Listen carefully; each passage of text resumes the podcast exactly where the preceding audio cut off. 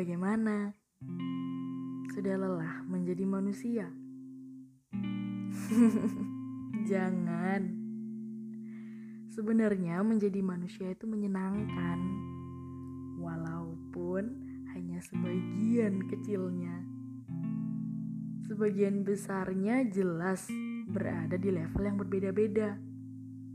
Entah itu biasa saja, kurang menyenangkan, tidak menyenangkan, atau yang paling parah, menyakitkan.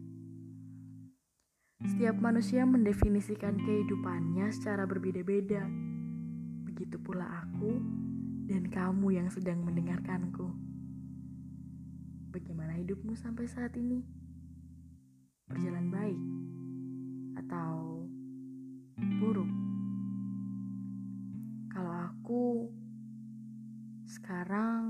Lagi ada di fase di mana aku bener-bener kangen banget sama kehidupanku yang lama dan hal-hal kecil yang dulu mungkin gak aku hirauin tapi sekarang aku kangenin.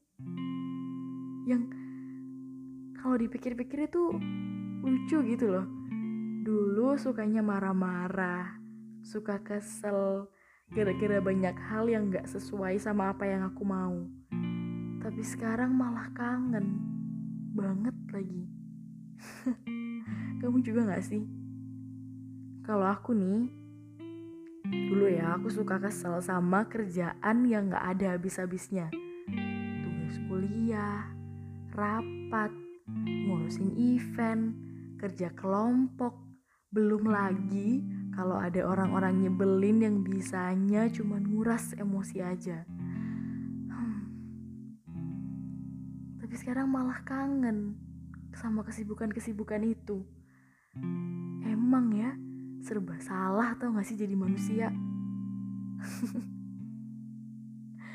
ya, tapi daripada aku cuman nyalain keadaan, aku sadar sih kalau dari dulu banyak hal yang pengen banget aku lakuin pengen banget aku wujudin tapi justru malah nggak bisa jalan gara-gara aku terlalu fokus sama kegiatanku yang lain.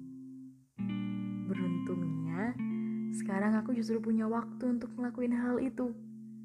Salah satu contohnya ya podcast ini. Ini episode pertama dari podcast Irama Kata-Kata. Bersama aku yang akan menemanimu. Di sini aku bakal bercerita, bukan bercerita sih sebenarnya. Hmm, lebih tepatnya aku akan ngutarain pendapatku, juga pemahamanku tentang hidup, tentang kejadian-kejadian kecil yang pernah aku alami dan bagaimana cara aku melewatinya. Aku harap kamu suka ya. Um, balik lagi nih ke pertanyaan yang tadi Gimana hidup kamu sejauh ini? Baik, biasa aja, atau buruk? Apa pun itu, aku harap kamu akan tetap berdiri di atas kakimu sendiri. Tapi ingat, berdiri di atas kaki sendiri juga bukan berarti berdiri sendirian, bukan? Kamu masih bisa bergandengan tangan dengan orang-orang yang menurutmu mampu menyeimbangi langkahmu. Kamu bisa bergandengan tangan dengan orang-orang yang kamu tahu akan memahami setiap perasaanmu. Tapi untuk sekarang jangan dekat-dekat, masih musim corona. Gandengan tangannya virtual dulu ya. Ya, jadi kangen kan sama orang-orang itu? Sama, aku juga. Jadi yuk, kita tabung rindunya bareng-bareng, biar jadi bukit rindu. Terus nanti kalau ketemu, aku yakin bahagianya bakal nambah berkali-kali lipat. Jadi, buat kamu yang sedang lagi dengerin aku, selamat menabung rindu. Dan selama itu, izinkan aku menemanimu lewat suaraku. Semoga kamu suka. Sampai jumpa di lain waktu.